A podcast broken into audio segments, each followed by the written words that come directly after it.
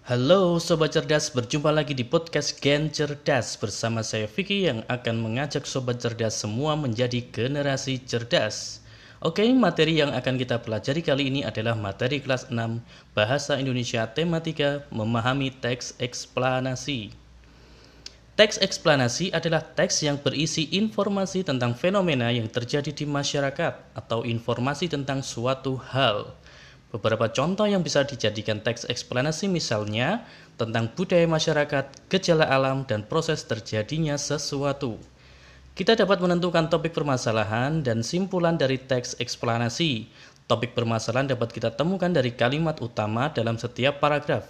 Sementara itu, kita dapat menentukan simpulan dari teks eksplanasi dengan membaca keseluruhan isi teks. Teks eksplanasi mengandung suatu pokok pembicaraan. Kita bisa menemukan informasi dari teks eksplanasi dengan menggunakan enam kata tanya, yaitu apa, siapa, di mana, kapan, mengapa, dan bagaimana yang dirangkai menjadi kalimat yang sesuai dengan teks tersebut. Oke, kita masuk ke tujuan teks eksplanasi, yaitu memberikan penjelasan kepada pembaca tentang proses terjadinya sesuatu Struktur teks eksplanasi yaitu pernyataan umum atau pembukaan, deretan penjelas atau isi, dan penutup atau simpulan.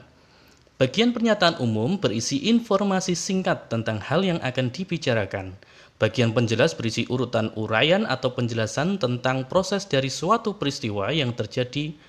Bagian penutup berisi simpulan dari teks atau pendapat penulis mengenai fenomena yang dijelaskan dalam teks. Karena teks eksplanasi bertujuan untuk menyampaikan informasi, maka teks eksplanasi harus menggunakan kalimat efektif agar pembaca tidak menjadi bingung atau salah memahami informasi yang disampaikan. Kalimat efektif adalah kalimat yang disusun dengan memperhatikan pedoman umum ejaan bahasa Indonesia. Dalam penulisan kalimat efektif, kita juga harus memperhatikan penggunaan kata baku.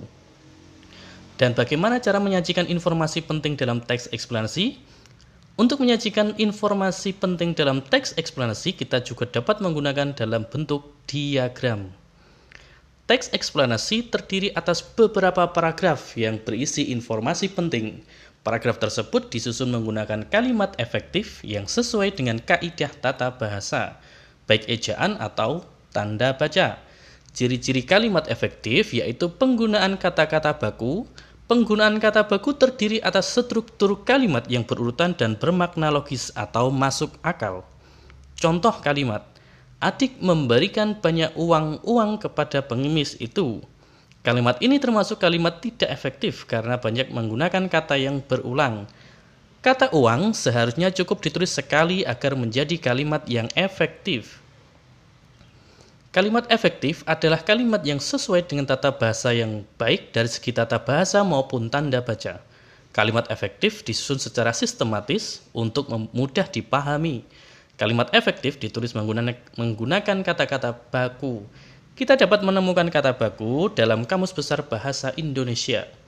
Misalnya, kita sering menyebutnya apotik, namun dalam KBBI ditulis apotek maka apotek adalah kata baku dari apotik. Kata baku merupakan kata-kata yang penulisannya telah sesuai dengan pedoman ejaan bahasa Indonesia. Dan kata tidak baku adalah kata yang tidak sesuai dengan pedoman ejaan bahasa Indonesia. Kata baku biasanya digunakan dalam acara-acara resmi dan penulisan karya tulis ilmiah. Sementara kata tidak baku merupakan kata yang digunakan sehari-hari. Ciri-ciri kata baku adalah tidak terpengaruh oleh bahasa asing atau bahasa daerah. Nah, mungkin itu yang dapat kita pelajari hari ini. Semoga bermanfaat dan salam cerdas.